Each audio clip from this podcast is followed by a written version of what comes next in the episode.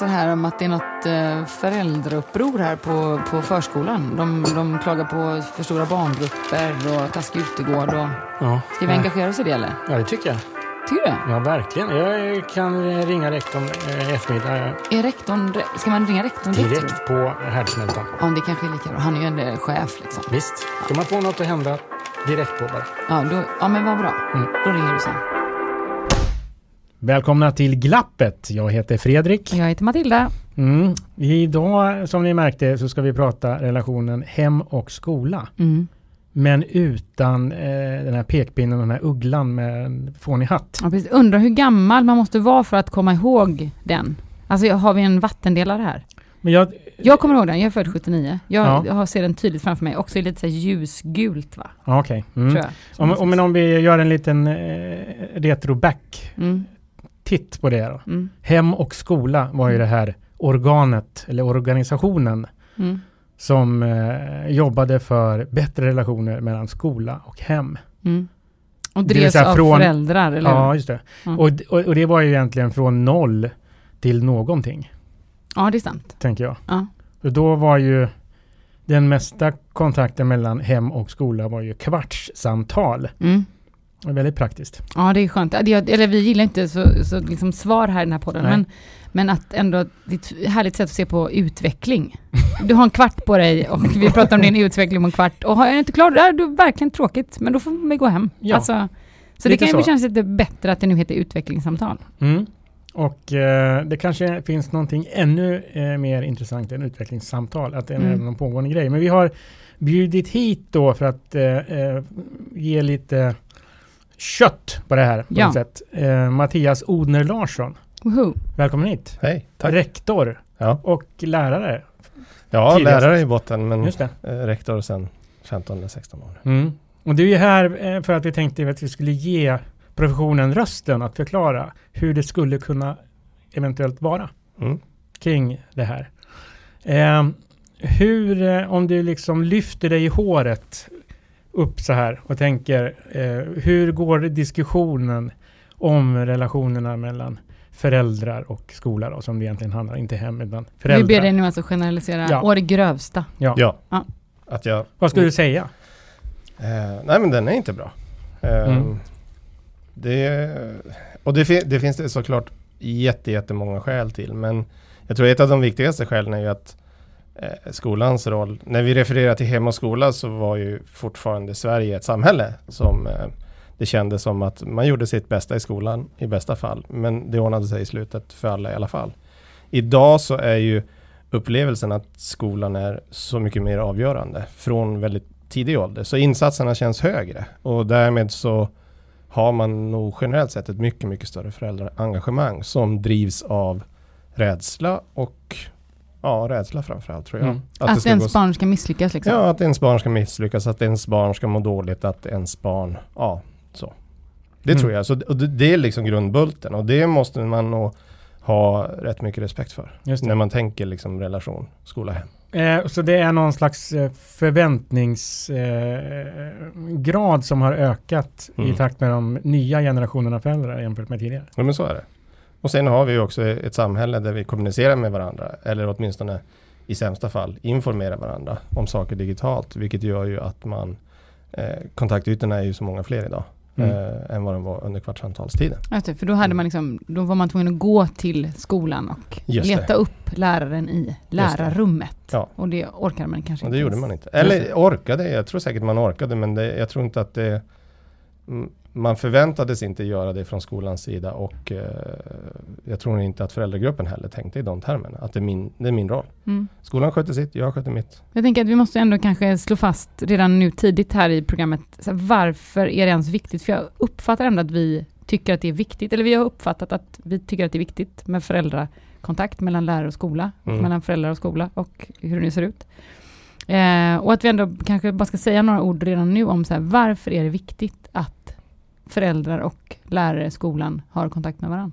men det är ju flera saker, alltså har man inte den kontakten så, så tenderar ju en eventuell kontakt att bara bli information.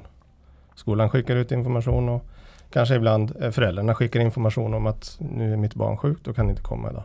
Alltså man måste ju försöka åstadkomma en vettig kommunikation. Det låter Varför? jättepretentiöst. Jo, därför att föräldrarna eh, och det här är inte någonting som jag har ältat jätte, jättelänge, men, men på senare tid så har jag funderat rätt mycket i hur man, och då utifrån det perspektivet för de som inte vet, jag jobbar på gymnasiet.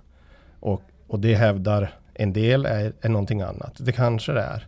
Men för gymnasiet så tänker jag att föräldrarna faktiskt är vår viktigaste resurs. Mm. Och med vår viktigaste resurs, det är ju att vi ska kunna bädda så bra som möjligt så att eleverna lyckas i slutändan. Mm. Och där kan föräldragruppen vara en resurs istället för att bli någonting, en, en, ett negativt inslag i eh, lärares och skolledares vardag. Så. Mm. Mm. För det, det ska vi inte heller sticka under stol med. Att eh, många i skolvärlden tycker det är bekymmersamt. Att föräldrar hör av sig Ja. liksom. Jag läste någon tweet häromveckan, gudskelov för alla engagerade mammor till NPF-barn. Skulle de inte liksom ligga på så skulle de inte få det stödet de får egentligen i skolan. Det kanske är så i vissa fall. Ehm, Svinks på, eh, eller vad fan heter det? Krucifix tänkte jag säga. Skogen. ja, Vad är en NPF måste vi förklara, tänker jag, för oss. alla. neuropsykiatriskt funktionshinder. Mycket bra. Så. Vad Eh, heter det? Den här lilla, lilla grejen som man gör vid ett ord. ja, det beror på vilken grej du vill ha. Asterix? Ja, precis. eller- det var det jag tänkte på. mm, Förlåt. Ja. Ja, Mm. Tur att jag är här. Mm, alltså någon lärare i det här Ja. rummet. Ja, men vad var det? Nej, men vi ska inte sticka under stol med att man också eh, kan liksom anta en raljerande ton i skolan om man tycker att föräldrarna är skitjobbiga. Mm. Nu hör hon av sig igen. Lämna mig i fred. Om vi bara fick göra vårt jobb så skulle allting vara så mycket lättare. Jo, just det. Men Mm. sam, samtidigt så är jag ganska övertygad om att samma lärare egentligen tycker att en bra relation med föräldrarna som är kontinuerlig är bra. Ja, Men, men, men, då är frågan så här, vad menar vi med bra relation? Eh, I sämsta fall så är det en relation som är på mina villkor. Alltså mina villkor utifrån min profession. Det är en bra relation. Det vill säga att föräldrarna tar ett steg tillbaka och så vidare. Okej. Och utifrån ett föräldrasynperspektiv så kan det säkert vara precis likadant. Mm. Jag känner mitt barn bäst. Jag vet vad mitt barn behöver. Just det. Men Ja. är inte det ett symptom på icke-fungerande relation? Ja, Och där var den här podden slut för idag. jo, eh, och, och, eh, om jag ska vara någon slags representant för att, liksom, för att eh, ge en generell bild så, så ska vi inte fastna i det. Därför att många skolor har väldigt bra fungerande kommunikation också Mm. med vårdnadshavare och Just det. hem. Men, men eh, jag tycker, jag menar, gå ut på Twitter eller läs liksom vad som står på ledarsidorna om, om skolan så finns det här perspektivet där och då, det måste vi göra någonting Ja, åt. just det. Men, och, och det är också att den här podden är ju riktad till då oss föräldrar som eh, gärna skulle vilja ha lite mer koll. Ja. Lära oss lite mer. Mm. Eh, och eh, den här oron som du var inne på ganska tidigt eh, Mm. för ens barn. Mm. Eh, det grundar väl sig någonstans där. Och eh, det är väl också så att där kommunikationen fungerar bra, fungerar det bra. Men det gäller ju att hitta eh, vägar fram där man möts på ett positivt sätt. Just det. Hur tänker du kring eh, hur man bäddar för att få den här relationen? Nu är- jobbar ju du på gymnasiet Mm, just mm. nu, så det är lite annorlunda, men Mm. rent generellt. Jag, jag jobbar ju på gymnasiet men jag är ju, jag är ju också förälder. Ah, Men kanske i första hand. Nej, usch vad hemskt det där lät. Ja, och det- jag tänkte just ja. fråga dig också, Ja. här, men jag kan ta den nu då. Eh, Ja. Hur är du som förälder eh, i kontakt med Nej men jag lägger mig platt, eh, helt och hållet. Jag försöker att, det händer att jag lägger mig i, eller lägger mig i, det händer att jag ställer frågor. Eh, men det är ju också så att jag försöker hålla skola borta från hem lite grann, så att jag överlåter det till min hustru Ja, och ha okej. kontakten med klasslärare och liknande så. Mm. Eh, Fast jag står och hejar på i bakgrunden och ger henne argument ibland när jag tycker att hon behöver det så. Men jag försöker att, att lägga mig väldigt platt och Blir det svårt som, som eh, skolmänniska att eh, Ja, separera det, rollerna? Eller? ja, men jo det är det.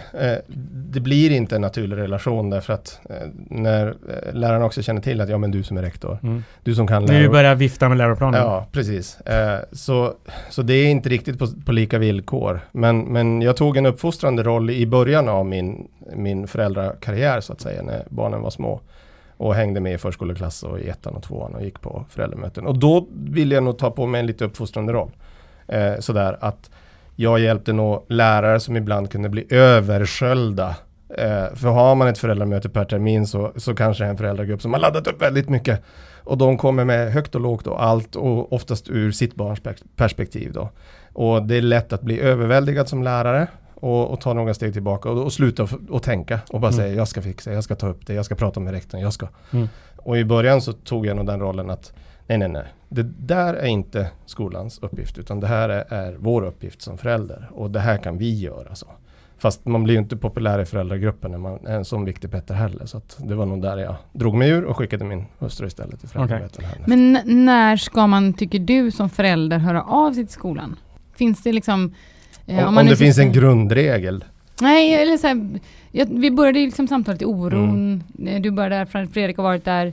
Så här, liksom, eh, inte för att man ska definiera liksom på en skala, så har du sju oro, hör av dig. Men mm. alltså, finns det så här några, vi gillar inte svar. Men alltså finns det några så här, här behöver du nog kanske ändå börja fundera, eller här behöver du ta, ta en kontakt, eller finns det något som, där du tänker så här, ja men fasiken, det där är nog ändå ja. en viktig signal, eller en viktig liksom, ett ja. magont som ja, man behöver ta på Ja, men jag, alltså, om, eh, om ens barn eh, uppvisar symptom på obehag att vilja gå till skolan, att mm. vara i skolan, mm. att uh, förhoppningsvis känner man ju sig, sitt barn så pass bra så att man ser när någonting är fel. Mm. Ungar är ju rätt bra på att dölja saker och de vill ju vara stoiska och, och modiga hjältar eh, inför sina föräldrar. Mm. Men har man en känsla av att nej, men det här det, det är liksom fara på färde, då, då ska man höra av sig till skolan. Mm. Och hur, hur eh, gör man det på eh, smartast möjliga sätt? Om man tar kontakt med klassläraren eller mentorn eller vad man nu kallar det. Det ska mm. vara första kontakten. Eh, nu jobbar jag själv som rektor så att jag pratar i egen sak. Man ska inte höra av sig till en rektor. Mm. Om man tar liksom en normal stor grundskola i Stockholms län idag, det är 800 elever och en mm. stor organisation, fritidsledare, lärare, övrig personal. Eh, jag förstår liksom viljan att direkt höra av sig till skolledningen för då tänker man liksom så här, går man på dem och liksom vrider dem om örat då får man saker och ting att hända. Mm. Varje skola försöker att organisera sig så att det finns en person som alltid är första kontaktperson och det måste gå vid den personen. Sen om det inte fungerar och man inte får något svar då får man ta det vidare. Mm. Men man ska inte instinktivt gå in på hemsidan, kolla upp rektorns adress och så höra av sig dit. För mm. då, då hamnar man bara i svekdebatt. Varför får jag inga svar? Varför får jag inte? För det är omöjligt för en Just eller det. två personer att hålla reda på. Så mentor och klasslärare. Så. Och den här mentorn och klassläraren tycker att oj, eh, varför gick de rakt på rektor eh, när jag finns? Just det. Mm. Mm. Mm. Om man då tänker att eh, det var liksom en grej om man känner obehag och så vidare. Eh, jag tänker om man då, som du säger, så här, det är ändå en, att ha en bra relation med lä alltså föräldrar, mm. mellan lärare och föräldrar, eh, bidrar också till att ett bättre lärande. Ja. Liksom. Eh, och så var du inne på att, ja men fast... Och, och här måste jag vara noggrann också. Ja. Alltså, föräldrarna ska inte ersätta lärarens roll eller det arbete som eleven gör tillsammans med läraren i skolan. Absolut, absolut inte. Men, men att kunna vara ett sådant stöd så att man faktiskt ställer frågor. Och vissa saker kan man faktiskt hjälpa till med också. Det kan mm. handla om strukturfrågor i hemmet och så vidare. Eh, Ge ett exempel. Ja, men helt enkelt strukturera vardagen för, ja. för ditt barn på ett sådant sätt så att om det är så att man behöver ta hem vissa saker, vissa saker ska göras, mm. eh, då strukturera vardagen så att det finns plats för det. Då. Mm. Så. Eh, det som jag tänkte på med min fråga var, du pratade också om att det är ett föräldramöte per termin, man har tusen frågor och mm. det kanske inte är naturligt för alla att höra av sig till läraren bara om så här, ja det där rymdprojektet, hur går det med det? Alltså så här, borde man ses oftare tycker du? Borde man skapa fler arenor om man nu ändå identifierar att det är viktigt liksom. Nu förstår jag att du inte vill komma med pekpinnar och hela lärarkårens vägnar, men mm. om, om vi bara så här spånar lite fritt. Ja, Svaret ja. Underbart. Jag skriver ja på den här frågan Fredrik. Nej men, jag, nej, men jag, kan ta, jag, jag, kan ta ett exempel. Um, och då, då landar jag liksom i min egen vardag. På, för det var någonting som hände som överraskade mig väldigt mycket. Uh, det här är gymnasieskolan. Vi hade bestämt oss att vi skulle jobba med projektvecka. Och vi skulle jobba med produktion, det vill säga eleverna skulle producera saker. Foton, filmer, animationer. Ganska kort tid. Men, men för att liksom höja motivationen och också visa att vi tyckte att det var intressant så tänkte vi vi öppnar upp skolan och så bjuder vi in alla föräldrar och påminner dem digitalt och via gammal brev och allt möjligt för att få dit dem fredag eftermiddag när allting skulle vara färdigt. Men innerst inne tänkte jag så här, äh, fan de kommer inte komma. Alltså sådär. Mm. Alltså fredag eftermiddag, man är helt slut. Ska man gå och titta på någon jävla... ja, jag ska erkänna att jag tänkte så. Mm. Vi hade fullt hus i tre timmar. Och, liksom, och jag stod som guide för att guida dem runt på fyra våningar. På den här våningen hände det här. Och, och stod kvar när de gick hem. Mm. Och alla som stannade till och pratade med mig eh, tog inte upp problem eller maten eller hur det fungerar på idrotten utan alla sa, tänk att vi fick komma, vad roligt. Mm. Så. Mm. Och att vi fick se och att vi fick äntligen prata och så vidare. Och det var så jävla enkelt. Mm. För vi hade haft en jävla utställning i alla fall. Nu Mm. svär jag väldigt mycket. Det är för att jag svär väldigt mycket. Jag tänker Ja. att det är en blind leder en blind Ja. Ja. Jag ska ta upp det här med er Och- och- efter programmet. Ja, bra. Eh, Och det, och det är ett exempel. Men jag tänker att det finns andra sätt för skolan också att bjuda in till den här kommunikationen. Och då eh, på ett sätt som kanske inte då i första hand handlar om att nu har vi ett problem. För det är oftast då skolan Mm. reagerar. Alltså vid sidan av utvecklingssamtal eller det. föräldramöten så tar skolan oftast kontakt när det är nu funkar det inte. Vi är oroliga för att eh, Pelle eller Lisa inte når målen i svenskan eller eh, Pelle eller Lisa kan inte Just. sitta still och så vidare. Och det är också en jävligt dålig ingång till att etablera en fungerande relation till föräldragruppen. Mm. Och, och jag tänker ibland att vi ibland betalar priset för det på gymnasiet. Därför att om skolan alltid under nio års tid har hört av sig när det är problem.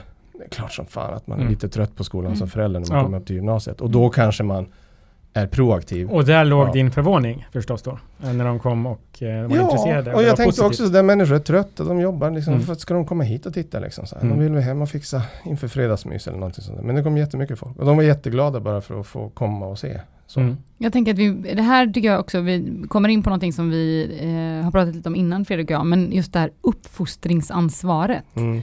Alltså det är ju ändå ganska intressant. Jag har jobbat med skolan massa år, Fredrik har jobbat med skolan massa år, du sitter mitt i skolan just nu. Och det är ju liksom en ständigt pågående dialog. Mm. Så vem ska ansvara för barnuppfostran? Mm. Lämnar man in ungarna liksom, jag tror inte att någon tror det, men att ändå så här, var går gränsen? Vad gör man hemma? Vad gör man i skolan? Vad är rimligt? Det står ändå i läroplanen att de ska fostras till demokratiska medborgare. Eh, vad innebär det? Mm. Alltså, hur tänker du kring det? Skolans uppfostringsansvar. jag tänkte ge ett enkelt svar på det. Ja. Det är liksom att definiera barnuppfostran när du valde att kalla det så. Mm. Ja, men skolans uppdrag ligger, ligger ju i att fostra. Jag, jag tror, alltså man kan inte blunda för det. Eh, om, om eh, man ser ett barn i, i jag menar, mina ungars ålder, tioårsåldern. Mm. Om mitt barn skulle kränka ett annat barn i klassrummet.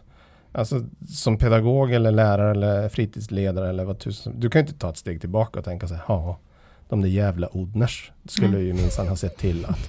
Alltså du måste ju agera i stunden och lösa situationen därför att någonstans trivsel och trygghet och Mm. att alla känner det är ju liksom så grunden för liksom ett, ett vettigt lärande, ett bra lärande. Just det.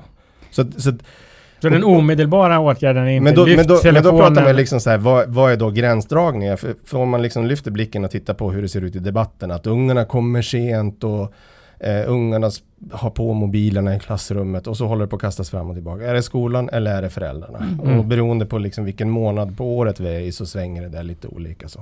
Jag, jag tänker mig att kanske ett av de viktigaste fundamenten i allt lärande utifrån ett lärarperspektiv eller ett skolledarperspektiv så är det ledarskapet.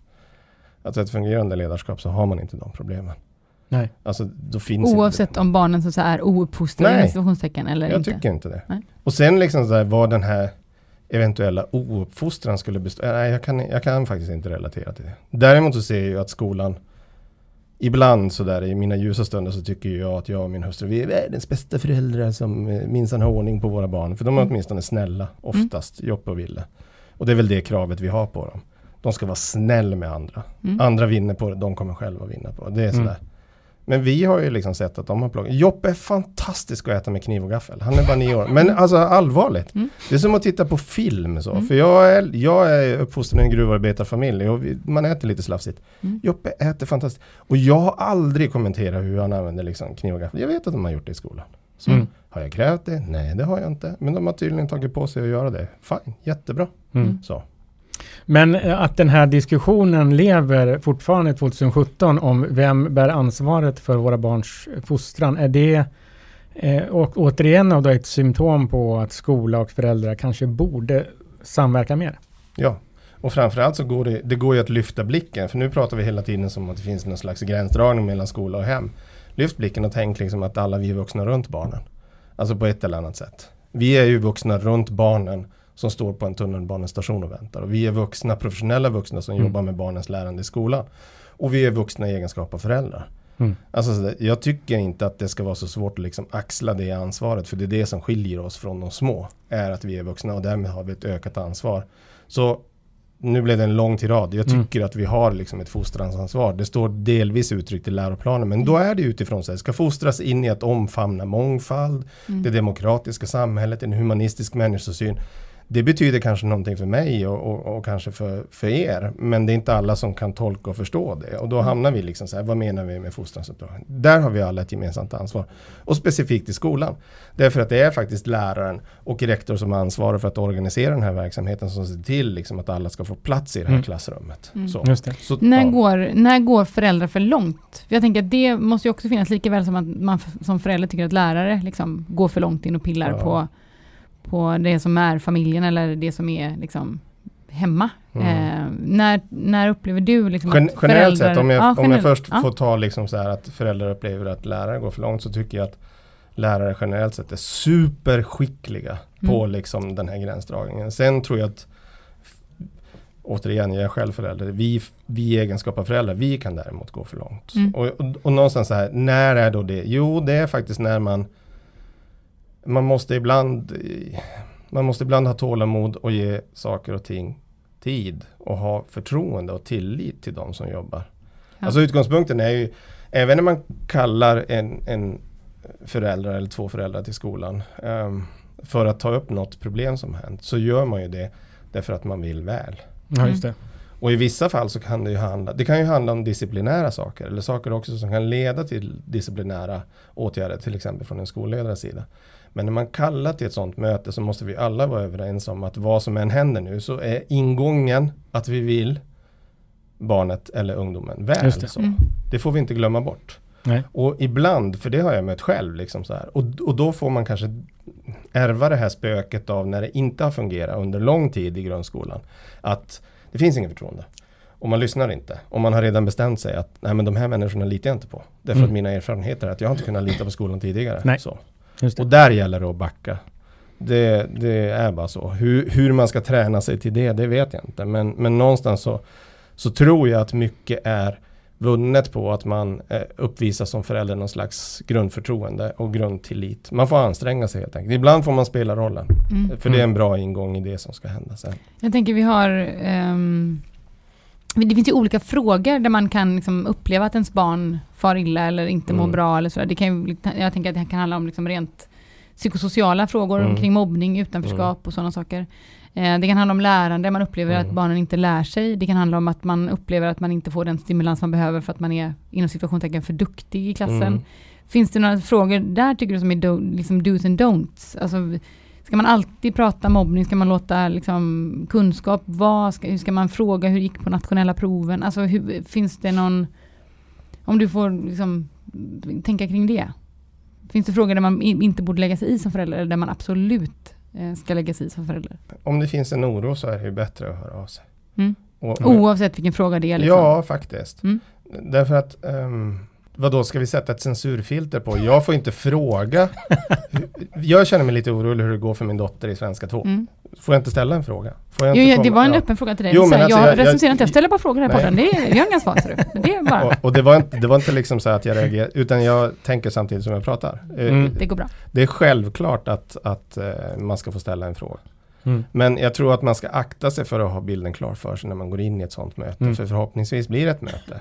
Ja, kan Kanske man har bara några, sin några egen bild. olika representanter. Mm. Gå inte in och ha en klar bild av att det här är skit och det här fungerar inte och det Mm. här. De vet inte vad de sysslar med. Nej, det. Det är fel i i förhållningssätt. En, eh, en annan sån här allmän bild då är ju när man följer eh, debatten om skolan i medierna är ju att eh, lärare har en hög arbe- arbetsbelastning och mycket Mm. att göra.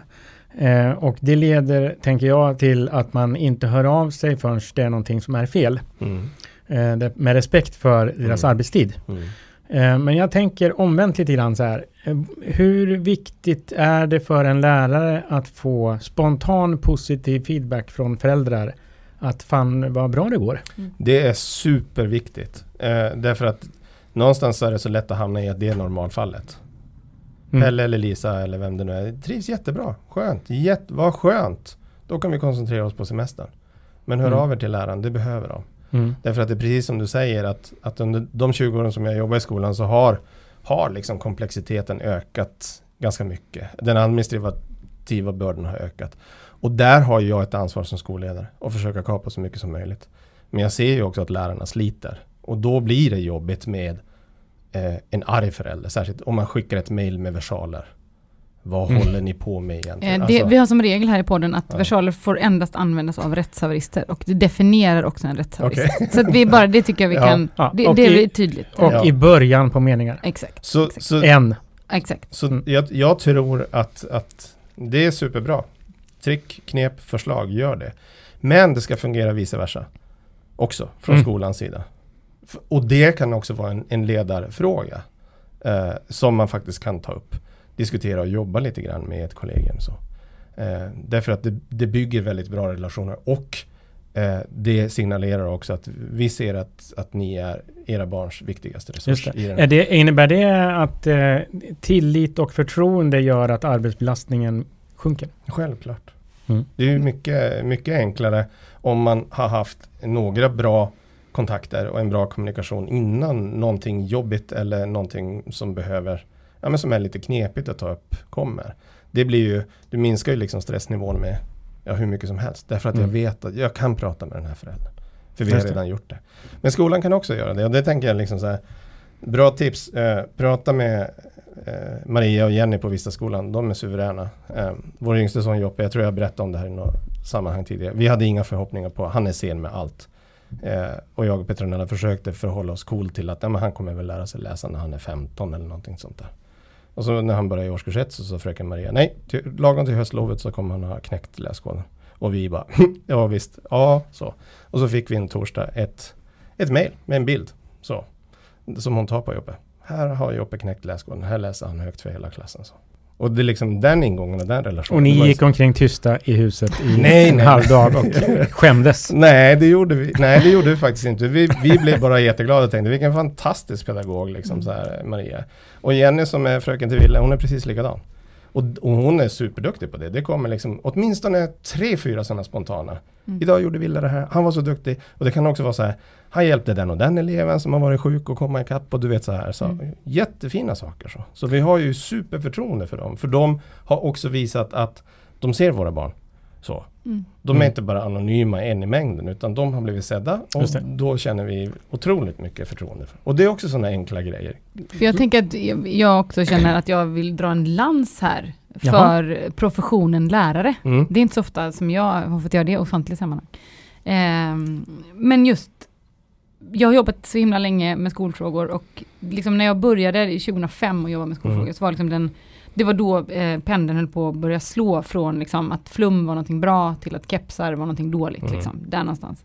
Ehm, och, och någonstans i det här så har vi eh, eh, förlorat, eller kan jag uppleva i allt skitsnack om skolan, i allt att det går inte, det går åt skogen, man kör moppa in i klassrummet, det är haveri överallt, Mm. så har jag också liksom tilliten till lärare och rektorer naggat i kanten, Mm. kan jag uppleva. Mm. Och när du säger så här, vi, de här två lärarna. Det Liksom, var därför jag nämnde dem vid namn. Ja, jag förstår det. Ja, men jag förstår det. Och jag tänker att vi måste alla tänka att det är de lärarna som våra barn möter. Mm.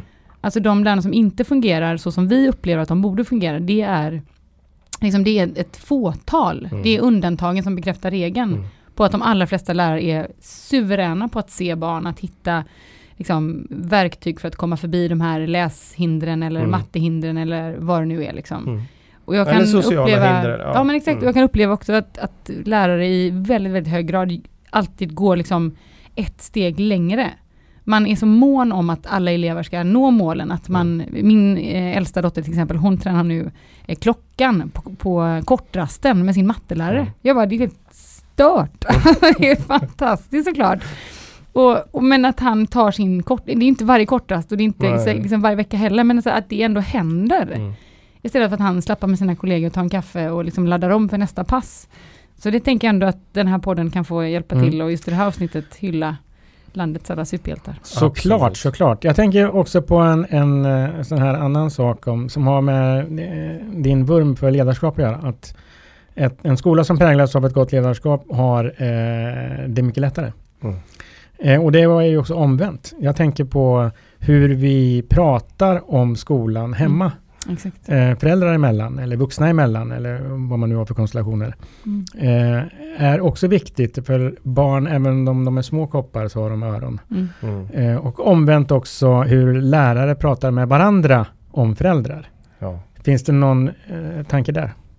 ja, jag tycker du har sagt det själv. Eh, Någonstans, det vi säger skapar ju den kultur som vi lever i. Så. Och, och återigen, det handlar inte om att sätta någon slags censurfilter på saker och ting. Men man kan ju faktiskt ha en tanke på hur man pratar. Mm. Ehm, och någonstans, jag menar, återigen, enkel grundregel så. Om man känner ett jätte, jättestort behov att prata om någon förälder, prata med föräldern istället. Ja, exakt. Och ta stöd om man tycker liksom att åh det här kommer bli så jobbigt och jag känner att vår relation inte så. Prata med kollegor och gör för att det här ska bli bra. Mm. Och precis som Matilda var inne på, garanterat minst en kollega kommer räcka upp handen och säga jag kan vara med. Mm. Så. Jag har lite idéer, jag stöttar dig. Jag ser till att det här blir bra. Mm. Om du tycker att det är läskigt. Så. Mm. Det var, eh, när jag jobbade på utbildningsdepartementet så eh, var OECDs, nu vet, har jag inte rätta titeln i huvudet sådär, men han heter eh, Andreas Schleiser som jobbar med liksom, skolan och PISA-rapporten och sådär. Ehm, han har någon jättefin titel som jag har glömt. Men då var hans, liksom, när han kom till Sverige och så gjorde de en specialstudie på Sverige precis nu när jag hade börjat. Eh, och då tittade man på eh, liksom, styrkedjan och man tittade på lärare och man tittade på massa olika saker. Eh, och när han fick någon, jag tror att det var på en pressträff eller om det var i ett annat sammanhang, så fick han fråga men vad tycker du att man borde göra då? Åt det svenska skolsystemet, Mm. liksom, för att det ska bli bättre. Och då var det han som sa, eh, tror jag, att det var liksom det som föräldrar skulle kunna hjälpa till med, är att varje dag fråga sina barn, vad har du lärt dig idag? Mm. Och det är också så här, jag tänker jag, liksom små medel, Mm. men att, att den frågan säger ju väldigt mycket om att man Mm. tror att barnet har lärt sig något idag. Exakt, för det är helt, Alltså. helt ointressant att fråga vad du har gjort idag. Ja. För det är liksom så här slentrianstrofen så, utan vad har Mm. du lärt dig? Och, Mm. och stanna kvar vid det. Mm. Så, det. Jag fick det inte av honom, men jag har försökt göra det på mina egna ungar. Och Ville som snart är 12, han är ju skitless. Så när jag frågar så här, men vad har du lärt dig? Jaha, säger han så. Mm. Medan Joppe är fortfarande så här, ja men jag har lärt mig det och jag har lärt mig det och jag har lärt mig det. Så. Mm. Och det blir liksom en, en bra ingång. Och det visar liksom att skolan betyder väldigt mycket. Mm. Det tror jag mina ungar fattar i alla fall eftersom deras föräldrar är så mycket i skola. Så. Mm. Men, men eh, för de som inte är det, som inte är skolmänniskor själv, så är det ett jätte, jättebra Mm. knep. Eller? Så. Ska vi börja min s- sammanfattningslista? Ja, men det är en jättebra Ja. idé. Ja, har du, några, har du har tre skrivit- punkter? Ja, jag har tre punkter. Det, kommer snart att bli tre. Det, Mm. man, det börjar med väldigt många som ser på pappret här, men Ja. sen blir det få. Ehm, det första jag tänker att vi måste liksom eh, konstatera eh, i den här eh, trepunktslistan som nu kommer att sammanfatta det vi har pratat om idag är att det är avgörande eh, med en god relation mellan hem och skola. Just det. Mm. Pekpinne, uggla eller inte, Mm. helt enkelt. Det är helt nödvändigt. Eh, nummer två.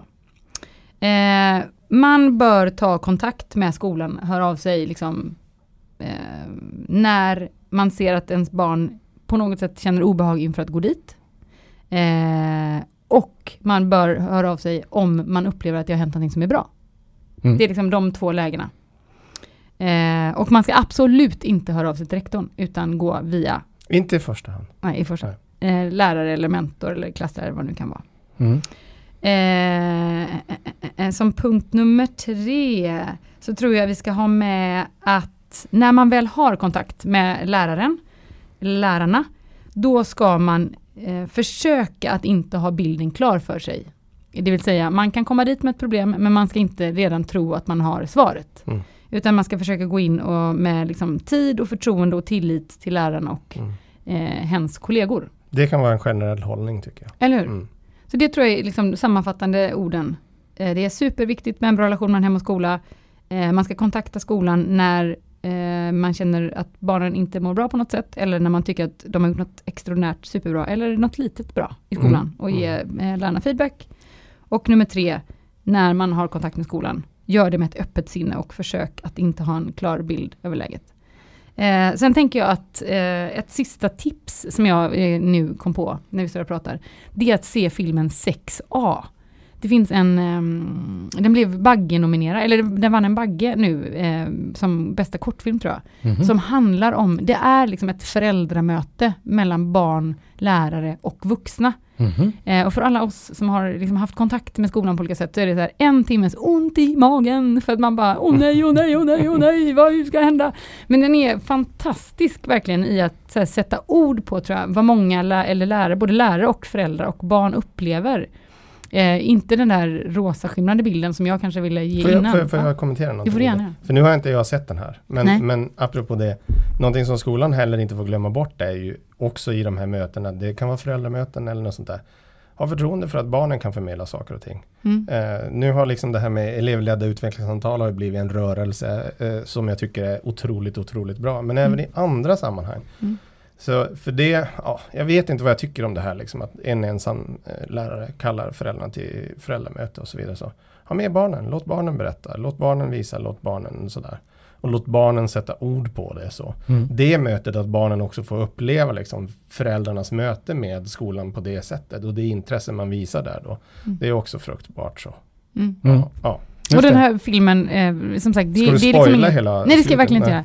Eh, Men, men jag tänker att man kan titta på filmen också och tänka så här, hur är jag? Mm. Och vad kommer jag med Mm. eh, till ett sånt här möte, om jag nu har varit på ett sånt möte, eller ett Mm. vanligt föräldramöte. Liksom. För Just den, den är såklart liksom, stereotyp och hårdragen såklart, Mm. men den är Just det. också, liksom, det finns någonting där tycker jag. Vad bidrog jag med Ja. nu egentligen? Exakt. Exakt, för Mm. vi har ju eh, alla ett ansvar att ge alla de här barnen en fantastisk framtid. Mm. Och det är ju alla överens om. Ja, Det kan vara lite knixigt exakt. att ta sig framåt Mm. på stigen.